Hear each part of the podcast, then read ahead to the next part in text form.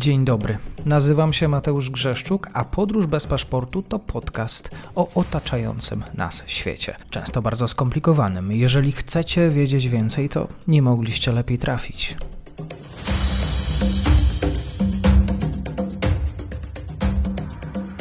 Partnerem odcinka jest Oanda, TMS Brokers, dom maklerski obecny na rynku już od ponad 20 lat. W opisie odcinka znajdziecie link do aplikacji, której możecie otworzyć konto maklerskie i grać na giełdzie, a wcześniej potrenować na koncie demonstracyjnym. Jeżeli otworzycie konto za pośrednictwem tego linku, dostaniecie na start książkę o tematyce inwestycyjnej. Zapraszam, Mateusz. Dzień dobry Państwu, dzień dobry wszystkim słuchaczom. Dzisiaj kolejna audycja, która wpadnie do Państwa playlisty jako ta, która być może y, będą Państwo odsłuchiwać nieco dłużej, bo słucha, po pierwsze planujemy może trochę nieco dłuższy komentarz niż zwykle. Druga playlista Azji Południowo-Wschodniej, a przede wszystkim też te audycje historyczne, które Państwo lubią słuchać.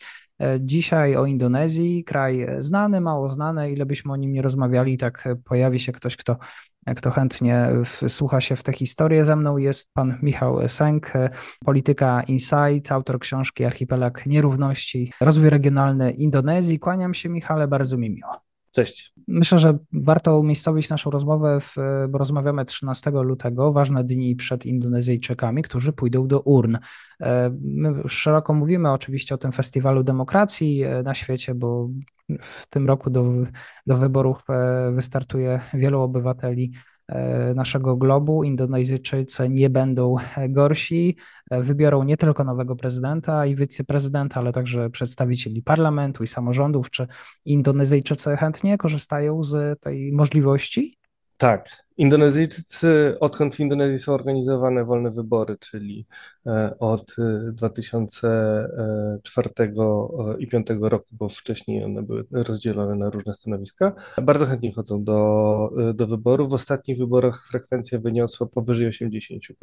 Dla Indonezyjczyków jest to małe święto demokracji, co ciekawe, trwające zaledwie 6 godzin. To znaczy, wybory w Indonezji są gigantycznym przedsięwzięciem logistycznym. Mamy kraj, który liczy około 280 milionów mieszkańców, wkrótce będzie liczyć 300 milionów, uprawnionych do głosowania jest 204, są 204 miliony osób a e, głosowanie trwa od 7 rano do 13 przez 6 godzin. Odbywa się e, ono na 6 tysiącach zamieszkałych wysp, bo Indonezja ma ich zdecydowanie więcej od 16 do 17 tysięcy.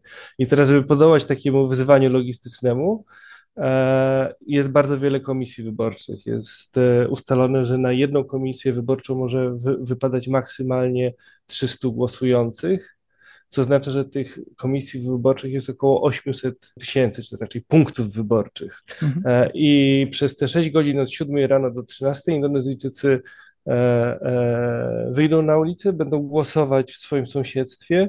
To jest, ja nie brałem jeszcze, nie widziałem jeszcze na żywo tego, tego aktu, to są moje pierwsze wybory w Indonezji tutaj. Natomiast e, niektórzy na miejscu mówią, że to jest rodzaj lokalnego święta, okazji do spotkania się, a potem życie e, e, wraca do stare tory, do do normalnego, do normalnego biegu. Pierwsze wyniki, przynajmniej na jeżeli chodzi o wybory prezydenckie, pierwsze wyniki być może będą już znane koło, e, koło 15. Cząstkowe wyniki, nie exit pole jeszcze, ale, ale znane z, z podliczenia części głosów w, w komisjach wyborczych. Więc jest to bardzo, bardzo skomplikowane przedsięwzięcie logistyczne, które jednocześnie jest dosyć sprawnie zorganizowane. Z ciekawostek przedsięwzięcia bierze udział grubo ponad e, milion osób.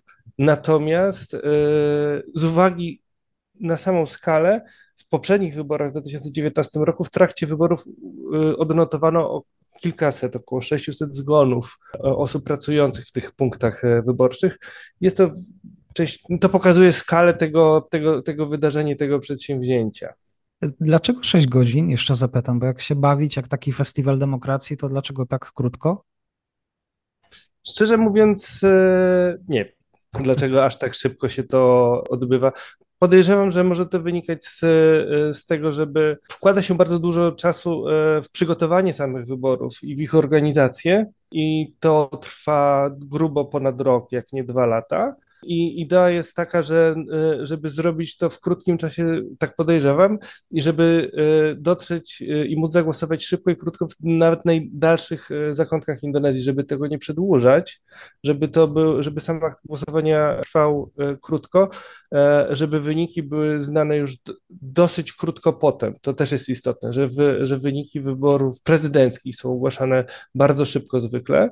To e, sprawność e, i krótkość tego czasu ogranicza możliwe protesty wyborcze i podważanie wyników wyborów, na przykład na podstawie e, skręconych sondaży czy exit poli. W poprzednich wyborach był jeden z exit poli, który, który odbiegał od wyniku wyboru od, od pozostałych i był wyraźnie na korzyść kandydata, który wówczas przegrał, a był to Prawo Subianto, który w tych wyborach prawdopodobnie wygra. Mhm. Jak tu nie pójść do wyborów, kiedy e, ten, e, powiem szczerze, jak obserwuję e, politykę krajów ASEAN, coraz częściej wybrzmiewa taki nacjonalizm, duma narodowa, biorąc pod uwagę, porównując innych sąsiadów, sąsiadów jeżeli chodzi o Indonezję, to ten e, taki indonezyjski nacjonalizm jest powiedzmy rodzajem mainstreamu, czy nacjonalizm po indonezyjsku, co oznacza, że on ma też różne, różne twarze i od radykalnych, skrajnych powiedzmy wymiarów poprzez, e, poprzez bardziej miękkie. Jego tak naprawdę najlepszym chyba symbolem jest obecny prezydent Indonezji i możemy prześledzić e, jego drogę przez chwilę, e, bo pokazuje specyfikę tego indonezyjskiego nacjonalizmu, czy też populizmu i to pokazuje też, gdzie Indonezja jest w obecnej polityce.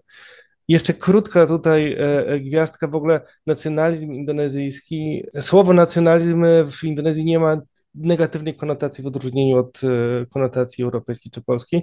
Ruchy nacjonalistyczne to były za czasów kolonialnych jeszcze, ale i też bo Indonezja była kolonią holenderską i część Indonezji była pod kolonią portugalską też, wschodnia część Indonezji. Indonezja przez 400 lat była kolonią holenderską, E, następnie w trakcie II wojny światowej została, ten obszar archipelagu był obszarem walki pomiędzy aliantami a, e, a Japonią e, i wówczas Holendrzy zostali wyparci dosyć szybko z obszaru archipelagu. Indonezja się do, dostała na kilka lat pod kontrolę Japonii, obszar archipelagu i wówczas od końca XIX wieku tak naprawdę rosły ruchy nacjonalistyczne, które w trakcie II wojny światowej i na początku E, e, i zaraz po końcu II wojny światowej, e, na początku lat 50., rozkwitły. Tylko te ruchy niepo, nacjonalistyczne to były ruchy niepodległościowe, to były ruchy, które miały uniezależnić Indonezję od kolonizatora, a następnie też od Japonii, chociaż tam historia jest trochę bardziej skomplikowana, ale to na razie zostawmy. Mhm.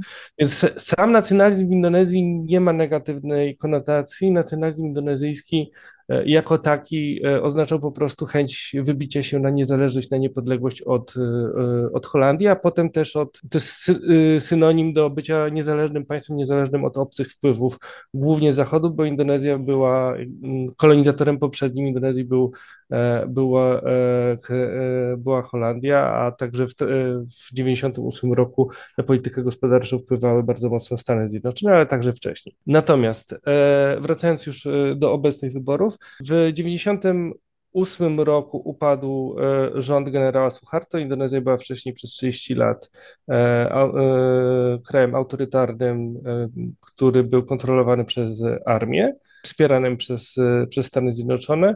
W wyniku kryzysu gospodarczego, azjatyckiego kryzysu gospodarczego, rząd, rząd stracił, prezydent Indonezji Suharto stracił poparcie, rząd i upadł, musiał odejść, odejść ze stanowiska.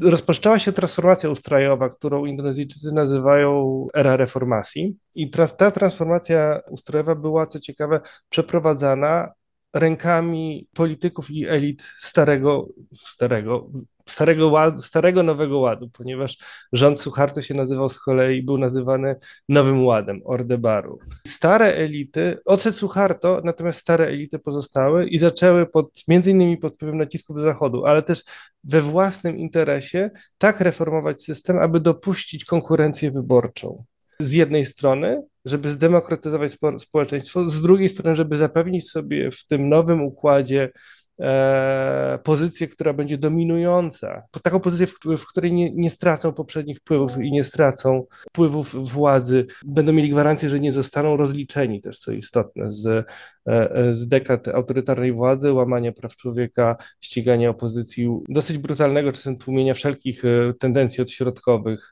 na wyspach archipelagu. I kolejna rzecz bardzo istotna, mieli zapewnić jednocześnie stabilność, stworzyć, chcieli wprowadzić taki system, który wprowadzi stabilność kraju na poziomie, stabilność kraju, tak żeby on się nie rozpadł. To, to był kolejny z tych celów.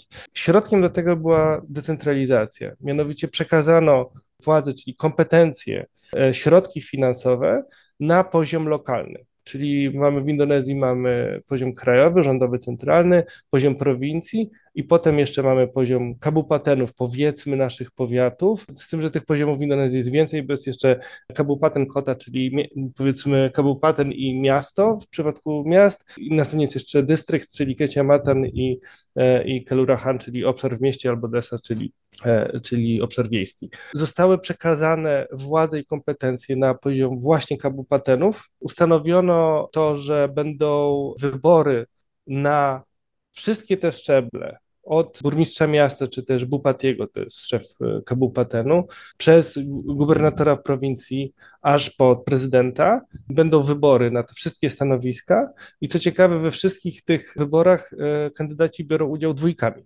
Znaczy, tak jak w Stanach Zjednoczonych jest kandydat na stanowisko i startuje razem ze, w duecie ze swoim wakil cialon, jak to się nazywa, wakil, czyli zastępca cialon, czyli kandydat. Efektem tych reform było to, że otworzył się kanał dojścia do władzy ludzi spoza poprzednich elit politycznych. Błyskotliwą karierę zrobił właśnie Joko Widodo. Przedsiębiorca z Surakarty to jest e, średniej wielkości miasto na prowincji Jawa Środkowa, nazywana zresztą e, Solo. Joko Widodo pracował w firmie meblarskiej, która produkowała meble, e, innymi z drewna takowego i sprzedawała je, między, je na rynki europejskie, więc do, do Europy jeździł, natomiast on był kimś w rodzaju self-made mana biznesowego który e, zaczął odnosić sukcesy już w latach 90. E, e, Zresztą jeden z, z klientów francuskich nazwał go, dał mu ksywę przydomek Dziokowi, który się do niego przykleił i w Indonezji w ogóle są bardzo popularne takie ksywy, skróty na imiona i nazwiska. Wszyscy Indonezyjczycy mówią na prezydenta obecnego Dziokowi. Dziokowi został szefem lokalnego zrzeszenia przedsiębiorców producentów mebli dokładniej, czyli tej e, lokalnej branży e, meblarskiej i zaczął się interesować polityką. Wystartował na burmistrza e, Surakarty po raz pierwszy właśnie w 2004 lub 2005 roku, nie pamiętam w tej chwili dokładnie, kiedy te wybory były, i je wygrał. I jako ten prezydent zaczął wprowadzać polityki, których nie powstydziłby się ruch miejski. To znaczy zaczął budować, co się mówi, zieloną i błękitną infrastrukturę, zaczął rewitalizować parki, zakazał wycinania drzew przy głównych ulicach, zamienił jedną z głównych ulic, no nie w deptach, ale ograni- zbudował tam chodniki, bo w Indonezji jest, w większości miast indonezyjskich jest bardzo duży problem z poruszaniem się pieszo po mieście. I albo się można tam poruszać e, na, na skuterze, albo poruszanie się pieszo, czy nawet korzystanie z tego powodu z transportu zbiorowego jest bardzo uciążliwe, ponieważ nawet jak się wyjdzie wyjdzie z, z kolei, z autobusu, to trzeba jednak przejść kawałek chodnikiem, który jest, e, jeśli jest, który jest bardzo często e, niewygodny. Wprowadzał też polityki socjalne, wprowadził e, miejski system ubezpieczeń społecznych, ubezpieczeń zdrowotnych, polityki edukacyjne. Stał się bardzo popularny. Zaczął priorytetyzować też transport publiczny i na tym zbudował swoją popularność, jednocześnie promował solo jak znowuż nazwa inna na Surakartę, jako Centrum Kulturalne Jawy Środkowej, jako miasto inspiracji, zaczęły się tam odbywać kongresy, zjazdy kulturalne, ściągać wystawy itd., tak itd. Tak w kolejnych wyborach na, na prezydenta Solo wygrał z bardzo dużą przewagą. To znaczy, on chyba przegrał tylko w, jednej, w jednym punkcie wyborczym. Zdobył powyżej 80%. I stał się wówczas politykiem popularnym i znanym jako na cały kraj, jako taki, który po pierwsze ma pomysł na rozwój, ma wizję tego rozwoju e, i nie zawaha się tej wizji użyć, nie zawaha się wprowadzać jej w życie. Walczył e, z korupcją też, co było dla Indonezyjczyków bardzo istotne, był bardzo blisko ludzi, potrafił e, z ludźmi być i się porozumiewać, potrafił być z nimi, co też było bardzo istotne, bo w odróżnieniu od był politykiem nowego typu, bo stare elity potraktowały wyborców jako e, w najlepszym wyrazie kompetentów albo jako niewykształcone masy, którymi można manipulować. Traktowali dziennikarzy często z pogardą, jako osoby, które niepotrzebnie wnikają, więc, więc Dziokowi jako, jako polityk, który no, no był pierwszym politykiem, który, co do których wyborcy, duża część wyborców miała poczucie, że on jest taki jak taki jak my, że nie dorobił się na tej polityce, nie jest tak skorumpowany i że on naprawdę chce zmienić y, kraj y, na lepsze. Jak, od, jak zbudował sobie t, taką renowę, to wystartował następnie w wyborach na gubernatora Jakarty i te wybory wygrał. Zresztą w parze z, e, z innym politykiem, który, który wzbudza kontrowersje, powiedzmy, z Basuki Djahają Purnamu, zwanym popularnie Ahokiem, więc będę używać przydomku Ahok, był jest prostszy. Politykiem e, też, który był popularnym dosyć Bupatim z kolei w jednym z archipelagów mniejszych wysp na północny wschód od Sumatry w prowincji Bangka Belitung. I Ahok też był znany z tego, zwłaszcza Ahok był znany z, z tego, że, jest bez, e, że bez, bezkompromisowo walczy z, z korupcją. Obaj wystartowali w Dżakarcie i przewidywania pierwsze były takie, że mają niewielkie szanse na wygraną, ponieważ obaj byli politykami nie z Dżakarty, a Dżakarta sama w sobie jest miastem, które liczy 10 milionów mieszkańców i ma bardzo silną lokalną tożsamość z własnym lokalnym e, dialektem e, indonezyjskiego, e, zaś cały obszar zurbanizowany wokół Dżakarty liczy w tej chwili około 30 milionów mieszkańców. Mhm. A w dodatku Ahok e, jest e, Indonezyjczykiem e, chińskiego pochodzenia, chińskim Indonezyjczykiem, czyli w dodatku jest z mniejszości, która była w Indonezji za reżimu Suharto wielokrotnie oczerniana i dyskryminowana. I wygrali. Natomiast Jokowi był gubernatorem Jakarty tylko przez dwa lata, bo wybory były w 2012 roku, a on w 2014 roku wziął udział w wyścigu prezydenckim i wygrał, gubernatorem Jakarty został Ahok który tutaj, krótka dygresja, być może do niej wrócimy, po kolejnych wyborach, e, które przegrał na fali nagonki e, religijnej, właśnie na fali etnicznej, na, na etnicznym podglebiu, trafił do więzienia za bluźnierstwo wobec e, Koranu, ale to na razie odłóżmy ten, ten temat na bok.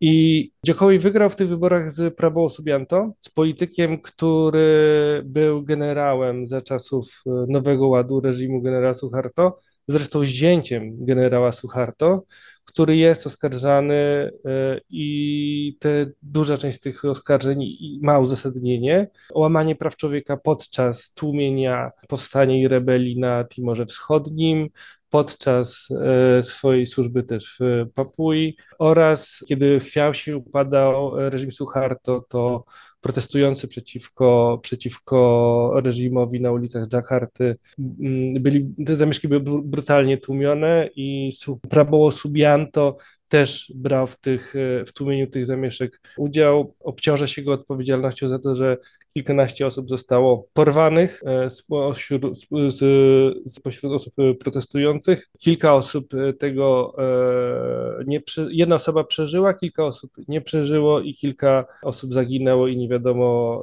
nie wiadomo co się z nimi stało do dzisiaj. To jest ruch tak zwanych 13 osób, rodziców tych osób wciąż jakby są aktywni w sferze publicznej w Dżakarcie i próbują przypominać o tym, że nie wiadomo co się stało z z ich e, e, dziećmi podczas tych zamieszek. Prabowo Subianto jest, przegrał wówczas z Dziekołim, potem przegrał w kolejnych wyborach, ale trafił do rządu jako minister obrony narodowej i teraz jest głównym pretendentem do wygrania tych wyborów w Indonezji. Indonezyjczycy zastanawiają się w związku z tym, że no, ten e, powiedzmy popularny prezydent Jokowi odchodzi, dwa, po odbyciu dwóch pięcioletnich kadencji, nad tym jak, jaka będzie przyszłość tego kraju, czy, czy tutaj będzie mowa o jakimś upadku albo na pewno spadku jakości demokracji. Indonezyjczycy zastanawiają się też nad dziedzictwem odchodzącego Djokowiego. Tak da się podsumować, jak Djokowi jest oceniany przez szerokie spektrum narodu, który jest bardzo też z jednej strony różnorodny. Indonezyjczycy pewnie gdyby no i tu pytanie do ciebie, czy gdyby mieli wybierać kolejnego przywódcę, znowuż by zagłosowali na, na obecnego prezydenta? Tak, absolutnie. Znaczy Indonezja jest e, bardzo zróżnicowana, natomiast około połowy populacji kraju mieszka na Jawie, a razem z Sumatrą 70% populacji mieszka na tych dwóch wyspach, więc to są dwie, e, dwie kluczowe wyspy dla, dla wyborów politycznych też. Poparcie dla Dziokowiego przekracza w tej chwili 80%. Sam Dziokowi E, tak jak powiedziałem wcześniej, jest politykiem, który ma wizję rozwoju kraju i chce ją wcielać w życie. Jest to takim emblematem czy symbolem tej wizji i klejnotem w koronie Dziokowiego jest projekt zbudowania nowego miasta w prowincji Kalimantan Wschodni e, na Borneo i przeniesienie tam stolicy z Dżakarty,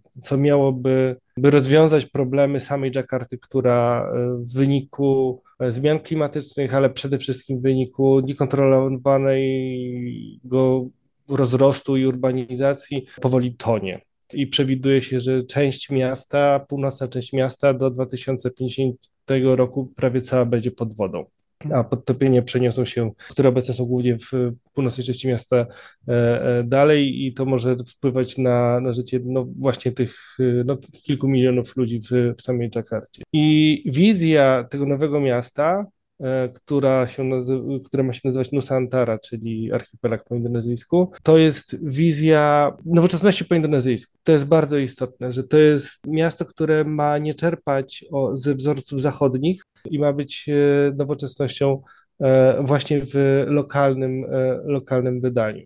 Indonezyjczycy wierzą w tę wizję i najchętniej by wybrali Ciekowego na kolejną kadencję. On sam zresztą próbował wy wybadać grunt, czy możliwa będzie trzecia kadencja, jego własna. E, jak to się nie udało, do tej pary prezydenckiej, kandydatów na prezydenta, dokoptował swojego, e, do jednej z par, e, jednego z kandydatów dokoptował do pary Gibrana Rakabumi Raka, czyli swojego syna. I wybrał właśnie na, do duetu z Prabowo Subianto, czyli z ministrem obrony, poprzednim konkurentem w wyborach. Sam ten wybór był nagięciem rządów prawa też, ponieważ indonezyjski sąd konstytucyjny wy, wydał w tej sprawie wyrok, gdyż Ibrahim Rakabuni Raka jest za młody, żeby brać udział w wyścigu prezydenckim prezesem Sądu Konstytucyjnego był wujek Gibrana, który zdecydował o tym, że Gibran może wziąć e, udział w tym wyścigu. To była taka decyzja, która nie podobała się wielu e, obywatelom Indonezji, czyli teraz e,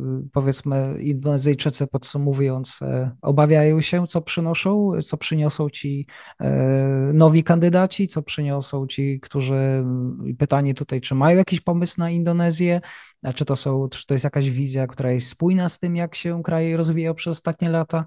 Prabowo Subianto obieca, obiecuje, że będzie kontynuował dziedzictwo Dziokowiego. Obywatelom Indonezji co do zasady dynastia polityczna zdaje się nie przeszkadzać. Znaczy w momencie, kiedy Prabowo Subianto wystartował z Gibranem, to sondaże wystrzeliły i poparcie dla Subianto właśnie wtedy się bardzo zwiększyło to, że e, odbyło się to z łamaniem rządu, praworządności, to przeszkadza elitom związanym z ruchami, e, elitom intelektualnym Indonezji. Natomiast, e, natomiast samym Indonezyjczykom to zupełnie nie przeszkadza. Ryzyko jest takie, że Jokowi w imię mm, realizacji tej swojej wielkiej wizji rozwoju Indonezji stopniowo rozmontowywał także inne e, bezpieczniki demokratyczne, e, czy to zwiększał swoje wpływy w komisji wyborczej, czy też w Indonezji bardzo, bardzo ważnej e, komisji do, do spraw przeciwdziałania korupcji. I te wszystkie narzędzia będzie miał do, do, dyspozycji Prabowo Subianto, który ledwo się powstrzymuje w tej kampanii wyborczej od swoich ewidentnie centralistycznych i autorytarnych e, zapędów. I w momencie, kiedy Prabowo Subianto zostanie zaprzysiężony, a najpewniej się to wydarzy, w październiku, bo dopiero w październiku jest zaprzysiężenie prezydenta, to będzie miał do, do dyspozycji wszystkie te narzędzia, które mu dostarczył poprzednik, a jednocześnie e, jego e, zastępca, czyli syn prezydenta, syn Dziokowiego, straci na znaczeniu, ponieważ on nie będzie miał zbyt wiele formalnych kompetencji już w nowym systemie. Jego znaczenie jest dopóty, dopóki jest kandydatem na prezydenta i, przyjm, i wznosi poparcie dla prawoosłubiantu, dla byłego generała na bardzo wysoki poziom. Mhm. Myślę, że sobie opowiemy w innym odcinku. Zaproszę e, Michała do, do, do, tego, żeby porozmawiać o przyszłości e, Indonezji, która jest bardzo ciekawa, ale to może w, w, następnym materiale. I tak jeszcze na zakończenie, pytając e, o ten najbliższy wybór, czy wybory na Indonezji w jakiś sposób przekładają się na sytuację na świecie? To znaczy, takie może pytanie w tle, czy to są wybory ważne? Myślę, że dla Azji na pewno, ale czy, czy nas z perspektywy kraju nad Wisłą powinny interesować? Uważam, że tak, że powinny nas interesować coraz bardziej. Indonezja była nazywana e, największą niewidzialną rzeczą na świecie przez indonezyjskiego biznesmena Johna Radiego, ale w obecnej sytuacji, kiedy wzrasta e, rywalizacja pomiędzy Stanami Zjednoczonymi i Chinami w kontekście Tajwanu też, to Indonezja jest jednym z najważniejszych graczy regionalnych. E, to po pierwsze. Po drugie, spośród krajów ASEAN rośnie jej znaczenie i, i waga. Dobrym przykładem jest na przykład to, że Indonezja była parę lat temu gospodarzem szczytu G20 i on się odbywał wówczas e, e, na Bali. Przed tym szczytem Joko Widodo próbował pełnić rolę negocjatora pomiędzy Rosją a państwami Zachodu w kontekście wojny w Ukrainie, bo to był wówczas ten szczyt, o którym mówiło się, czy e, Indonezja próbowała namówić do rozwiązań pokojowych w kontekście wojny ukraińskiej, e, wojny rosyjskiej na Ukrainie, e, Rosję i, Zachód. Dziechowi wówczas przyleciał do Polski, a następnie pojechał do, do, do, Kijowa przed tym szczytem. Wysiłki Indonezji, jak wiemy, spełzły e, na niczym, na niczym natomiast wówczas prawo Subianto miał e, podczas tego szczytu wypowiedź, którą e, dotyczącą właśnie polityki zagranicznej, którą ukraiński minister spraw zagranicznych skomentował w taki sposób, że, że ono reprezentuje stanowisko Rosji, a nie, a nie Ukrainy, a tym bardziej nie G20. Więc sama Indonezja wbrew pozorom może mieć znaczenie dla spraw tutaj u nas w Europie. Tak, drodzy Państwo, zachęcam do zadawania swoich pytań w komentarzu, jeżeli chodzi o przeszłość Indonezji. Tam się spotkamy w następnym materiale. A dzisiaj Michał Sęk raz pierwszy. Kłaniam się nisko i bardzo dziękuję za spotkanie. Dzięki wielkie. Dziękuję serdecznie za odsłuchanie tej audycji. Zachęcam oczywiście do kliknięcia subskrybuj, obserwuj oraz wsparcia mojej pracy na serwisie Patronite. Do usłyszenia.